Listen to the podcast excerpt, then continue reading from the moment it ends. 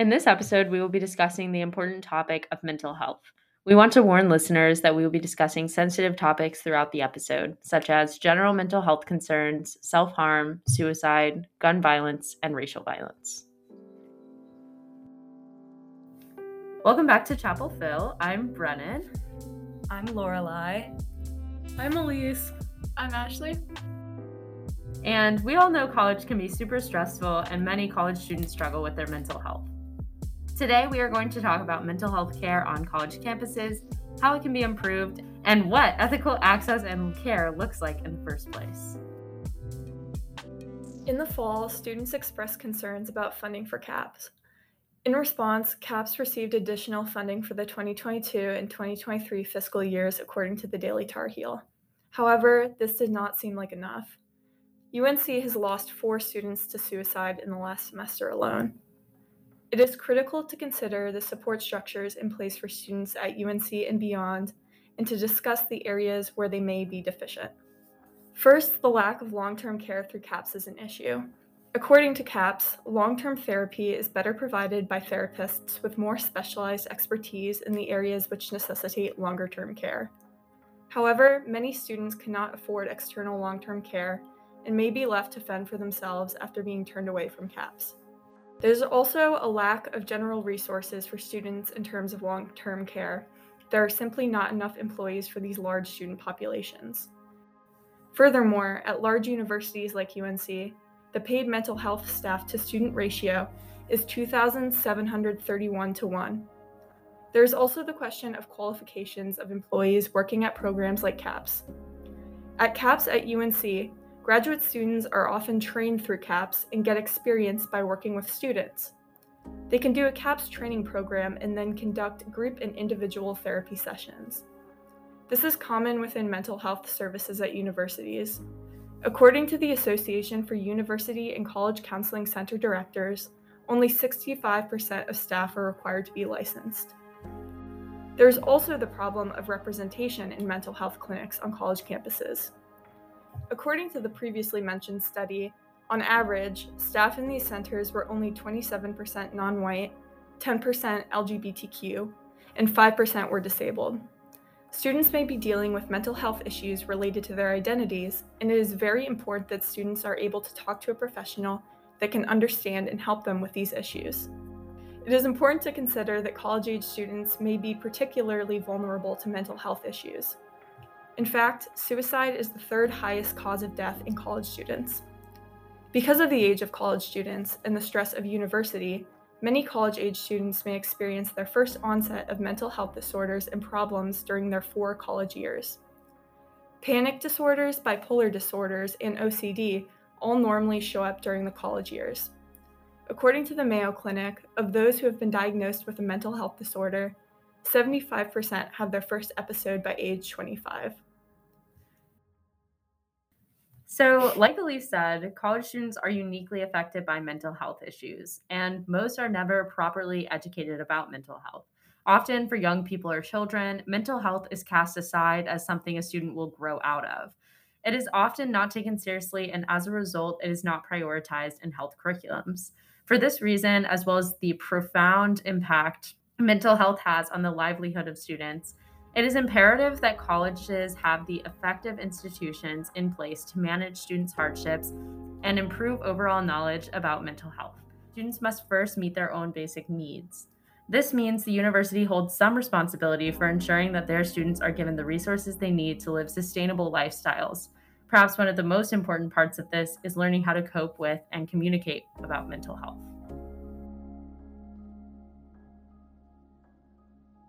Um, thank you both for a great introduction. I want to talk a little bit more about CAPS and what they claim and also what we receive from them. Um, brief individual therapy sessions aren't guaranteed to students. Long term counseling is typically beyond the scope of what colleges normally handle, and the executive director of CAPS, Ken Pittman, said that UNC isn't planning on implementing long term counseling. Additionally, the possibility you'll get connected to a counselor is entirely dependent on a brief questionnaire. And while um, a short type of assessment is probably necessary to gauge what a person needs, this uh, type of evaluation has the potential to be very subjective and solely based on what UNC is currently available to provide. uh, which may leave some students feeling overlooked or pressured into seeking outside help when they can't commit to that. Secondly, students also have to wait at least a week, sometimes even three, before even speaking with a professional. When a waitlist started growing for individual counseling, UNC partnered with UWill for telehealth services. Vice Chancellor for Student Affairs Amy Johnson says this wait is just because of staff turnover. All of these things considered, each student pays about $200 per semester in campus health fees or $400 for the year, and in 2022, this just went up by $10. There are a lot of other um, avenues for wellness at UNC, uh, one of them being wellness coaching.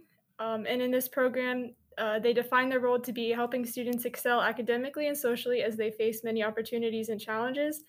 And they do this by helping you implement, implement advice from counselors, doctors, um, etc., about how to manage your mental health so that you can achieve your goals. And this was originally free for UNC students. They were able to make a comeback for at least spring 2022, but um, last semester their funding was cut and it left a few coaches remaining that would require private pay. If we're going to talk about mental health, we have to address the significant backlash in response to how UNC addressed the deaths of multiple students on campus with a single wellness day a, a lot of people felt that this was really performative because they gave classes off on Tuesday instead of Monday. Many people had to learn from social media and friends before the university formally addressed it, and people were begging for them to address it online. And lastly, a singular well, uh, wellness day was granted for the spring semester because a majority of leadership and faculty were against a longer spring semester, even after all of these things had just happened. And given the recent occurrences on our campus, we it's probably necessary to compare ourselves to other schools. Late April 2019, there was a, a shooting that took place at the University of North Carolina at Charlotte. All finals, final projects, and essays were optional. Classes were canceled for the week. Uh, candle lighting and, and vigil were in honor of the lives lost. And police officers were stationed around campus for the rest of the semester. Counselors met with students on and off campus if they wanted to, uh, staff members worked until midnight and came back at work at 7:30 in the morning, and the office was available for walk-ins. Each year, they referenced the tragedy in honor of lives lost and to try to rally the students together. Additionally, uh, campuses such as Northwestern CAPS offer programs like Let's Talk, where students can come and speak to consultants without feeling pressured to get professional help outside of the program. And while a lot of programs do handle mental health with care, uh, there are some other campuses where uh, mental health is a concern, such as Georgetown, where students wait months at times before a follow up appointment from CAPS, and leaves uh, the students feeling pressured when administration doesn't make appropriate executive decisions to protect their mental health, um, because it often leaves students feeling like they have to overshare or sell their mental health problems to professors. Yeah, thank you, Ashley, for bringing up all those great points. And I think that that really brings out the question of like mental health should definitely be treated with the same seriousness as physical health. But we also do have to remember that universities have um, limited resources. Therapists do need to be paid um, a you know good amount. Um, so that just begs the question: At what point are the universities really doing the best with what they have? Um, and when can we like say that it's enough personally i think that unc can definitely be doing better i think that maybe they cannot be expected to provide long-term care to every single student but i do think that there are much better ways um, to go about mental health care such as um, providing it to some students in the form of financial aid or providing walk-in um, just like unc um, charlotte unc charlotte um, especially when something like a traumatic event occurs. Also, aside from providing long term care for students, they need to treat crises on campus with the utmost seriousness, which is something that they have not been doing. And, you know, when a crisis occurs on campus, that's something that can trigger that can trigger other mental health crises. So it's super important how the university responds, and that's something that they definitely need to work on um, to become more ethical. Um, I also just think if anybody's going to college, at the bare minimum, they should have the resources to ensure their safety, their health, and their ability to learn so that they'll be prepared post college. Um, and in general, there are just billions of dollars moving through UNC, and it's not necessarily that UNC has a limited amount of money or a limited amount of resources. It's just kind of what they're doing with their money. And if you actually look at their expenditures, um, 8% of UNC's budget goes to academic support and student services. Uh, 9% of the funding for student services is allocated to CAPS uh, 27% of the funding for CAPS goes directly into patient care. So that's ultimately a pretty, really small percentage of that money. We have about 30 staff members to cover the mental health needs for 30,000 college students. So I think it's perfectly fair to challenge UNC's priorities um, and demand bigger changes when just the numbers themselves show that maybe the, the safety, the ability to learn, like the mental health, those aren't really their top three priorities. Yes, I definitely agree that it's important that the university gives just as much attention to mental health resources as it does to physical health. But the mental health care that's offered from the university must be as effective as possible, and it can't just be expected to be the same for everyone. The Daily Tar Heel was following student demands and needs after the loss of four classmates, and a big conversation that I saw happening was the weight of expectations that the university places on its students without reciprocating their support needs. And in April of 2021, the DTH reported that there was a petition circulating among the student body that got over 1,000 signatures to demand more AAPI representation through CAPS.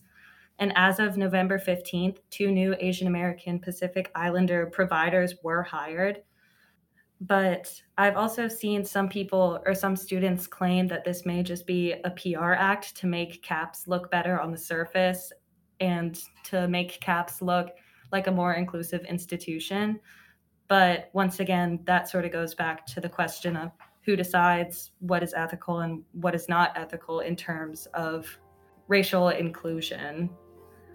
Personally, I think it's important that there is representation within CAPS I think we can all agree on that. Um, especially for AAPI individuals, the model minority myth is something that tacks a lot of stereotypes and expectations onto individuals.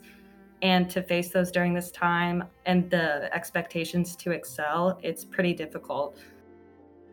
Some may argue what is so bad about being held to such a high standard, but it's a lot more than that just on the surface. You can't create a monolithic um, homogenous group of individuals, and this stereotype erases differences in individual lives and experiences. And that's why representation matters. Especially with generational trauma, um, this is something that requires a level of understanding that some individuals simply can't provide. Healthcare requires a diverse array of experiences and needing someone to share grievances that others can't. Um, Hayden Park is a junior majoring in communications with a minor in American Studies. And after a rise in hate crimes against Asian Americans and a racist response to COVID 19, Park felt they needed an outlet to talk, but this proved challenging at a predominantly white institution. So Park joined the UNC Asian Health Advocacy Alliance in early 2020 when the organization was just beginning and the group is dedicated to improving the overall health of North Carolina's AAPI population through advocacy, engagement, and community organization. And Park feels that the recent hirings of two AAPI providers is a step in the right direction. It's kind of hard for me to separate what's my own mental health like issues versus like what's a mental health issue that relates specifically to my identity but i guess like no matter what it's all intersected. But um I guess like yeah, with like a lot of my Asian peers and just like myself, just like a lot of people who grew up with immigrant parents, um, where like, you know, like that whole like tiger parent stereotype where like our parents like, you know, sacrifice so much starting from scratch, like with no money in their pockets coming to the country and like foregoing their education um so that their children could get an education. And so like a lot of Asian American second gen kids like grow up with the pressure that like you have to be worth your parents' sacrifices.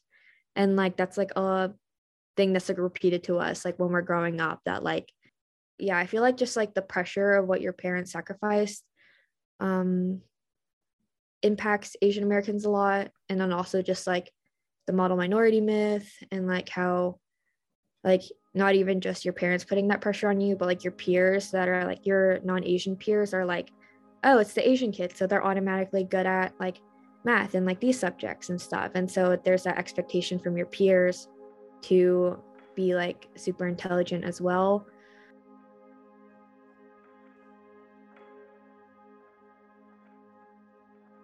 It's also like interesting to consider you were talking about how UNC might have just hired two Asian American employees just to look better, but it's interesting to consider if that even matters, like if it's having a positive impact. Like, of course, we want to be yeah. them to be doing things for the right reasons, but yeah. doesn't matter, you know? And definitely, Hayden talked about some of that. That there's just some experiences that like a white provider is just not going to share with like a young Asian American in a largely white population especially being like a second generation immigrant. Like there are just some things that like you can't connect with.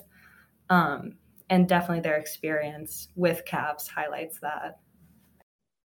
I guess i don't really have an opinion on if it's like pr thing like it well could be because like our university does have like the habit of correcting things like way in hindsight and so it's mm. like like for example like the like mental health issues from last semester and like um the loss of our peers and like how that was like inadequately addressed and then they try to like throw like a you know like a patchwork solution over it by being like yeah like this whole time caps is available for you and stuff and like mental health matters but like clearly there's a problem on our campus because i've just known like so many people in the past couple of semesters who have withdrawn from classes and who have like gotten so much anxiety and like depression and like a whole new swath of mental illnesses just from like COVID alone and like quarantine. And so like I feel like our university does that a lot where like they like see a problem that's been long unaddressed and then they like are like ta-da look we what do you mean? Like we just hired two new API minority like therapists and so like we're all good right? Like we're so like allied whatever. And so i yeah it, it could be a pr thing but i don't really have an opinion on like that. I think more importantly it's just any sort of representation is good. I started off with a therapist at caps before going out of network and i just didn't really enjoy my experience. I know a lot of people who didn't enjoy their experiences but for like my reasons i felt like cultural competency was a really big issue. I was talking about like how I had a hard time like feeling like tokenized and stuff and like feeling mm-hmm. like, you know, like I feel very disconnected from like an Asian American community and I like feel very guilty towards my parents for like not knowing like Korean as well as I could and like feeling like just like things like that and just like it was my first it was my freshman year first semester and i was like feeling a lot of pressure and i wanted to go to therapy and then like he didn't really understand and he was just like he was like oh i just don't understand why you won't talk to your asian friends about um about like how you're feeling and stuff. And i was like i know but like i just i don't like i don't understand what you mean. I just yeah. my problem is that i feel a little bit like kind of tokenized in every group that i am in and it makes me like feel like I'm being whitewashed and like it's just I don't know like I feel weird. Yeah. and then he was like oh I'm so sorry. This whole time throughout therapy I just assumed that your whole friend group was Asian. And so I didn't understand why you felt like after that session I just didn't go back cuz I was like oh that clicks now. Why he didn't make sense that I felt like kind of like alienated is because he assumed that like I only hung out with other Asian people when yeah. Yeah and so like i feel like in that case like just having an asian therapist available at caps is just a good thing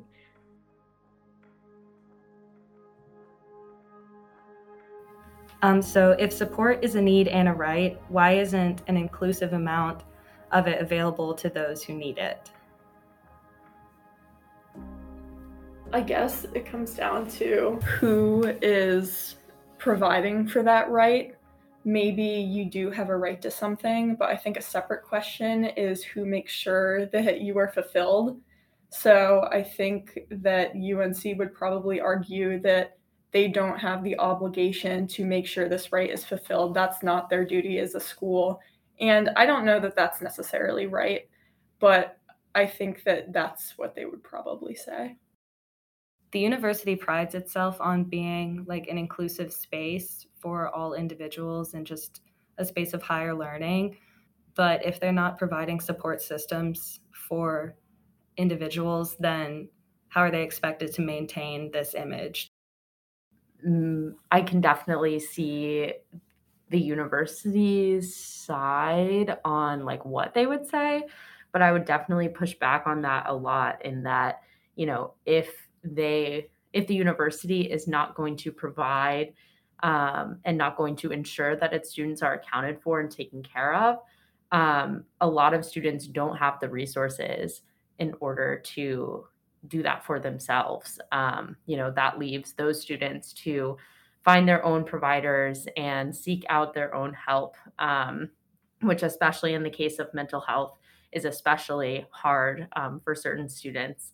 And so I think, you know, if you the university is going to provide this mental health service, um, and I would argue that if they are going to expand it, which I believe they should, they need to expand it in a way that accounts for the students that they are supposed to be growing and teaching and you know taking care of. Like UNC is our home while we're here and like UNC is the institution that's supposed to be taking care of us and you know letting us grow into adults who do have sustainable living practices and do have healthy coping mechanisms. And mental health care is a big piece of that. And if it's not available in an effective way for everyone then that's not okay and the university is not doing its job. Since we all agree that um, students should have access to um, effective mental health care how could CAPS and similar institutions go about making more effective and a more equitable therapeutic space? I think definitely becoming an institution that isn't focused on like reactive policies and is focused more on like proactive care for the student body and faculty and staff. Preventing these things from happening in the first place is definitely better than having to react to them in an appropriate way. What do you think that would look like? I think that that would look like definitely expanding the CAPS program monetarily, hiring a lot more providers. I know personally, when I went to CAPS, they just referred me to outside providers. And as like a low income student, that's not an option. I can't do that. So having more than just a few providers to write you a script and send you on your merry way. I guess having access to more inclusive mental health treatments that aren't just there to get you in and out the door. And I think that also comes with treating their employees with much more respect because while I am very grateful for the graduate students that do work there as well, the university has a tendency to push the pressure back onto the student body of creating a space that is safe for students to thrive and live in. I feel like that responsibility should go back towards the university in a way. They're like a billion dollar institution that has the means to support their students and create these spaces and hire these employees and these therapists and expand CAPS to make it something amazing and something much more inclusive in order to prevent these things from happening in the first place. It it takes a community effort. I also think that preventative piece is so important, but then when something does happen, um, the reaction has to be better um, because you know you already, as students, like don't have a solid like caps to go to like it's going to be a semester or it's going to be nothing at all it's going to be a referral um, so that's kind of your only option at that point when there's no classes taken off when you know there's no like flexibility, like my professors were personally pretty flexible, um, but that was completely on them. And they were very transparent about the pushback from the university of their flexibility, which is insane um, because, you know, when a student body is going through something like that, um, that can definitely trigger other events like it is imperative that the university takes the time to first of all take responsibility for those actions and second of all like take responsibility for making sure that all students are accounted for and taken care of afterwards and the same could be said about each individual student which i think does go back to like this can't fall all on the graduate students in caps it has to fall back on the university funding and the university policies um, but you know i personally had a fairly good experience with CAPS. Like I really loved my therapist, but after the semester was over, she sent me five recommendations that I couldn't afford and then never checked back in, um, which is not her responsibility because, uh, you know, under current policies and under current funding, that's all she can do. But that was definitely not enough for me. And it's definitely not enough for other students as well.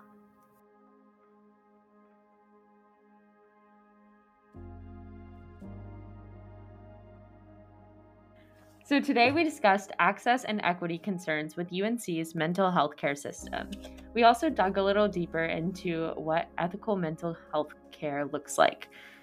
We would love to hear what you thought about the questions we discussed in the episode. Let us know on Instagram at Chapel Phil Podcast. Thanks for listening, and this has been Chapel Phil.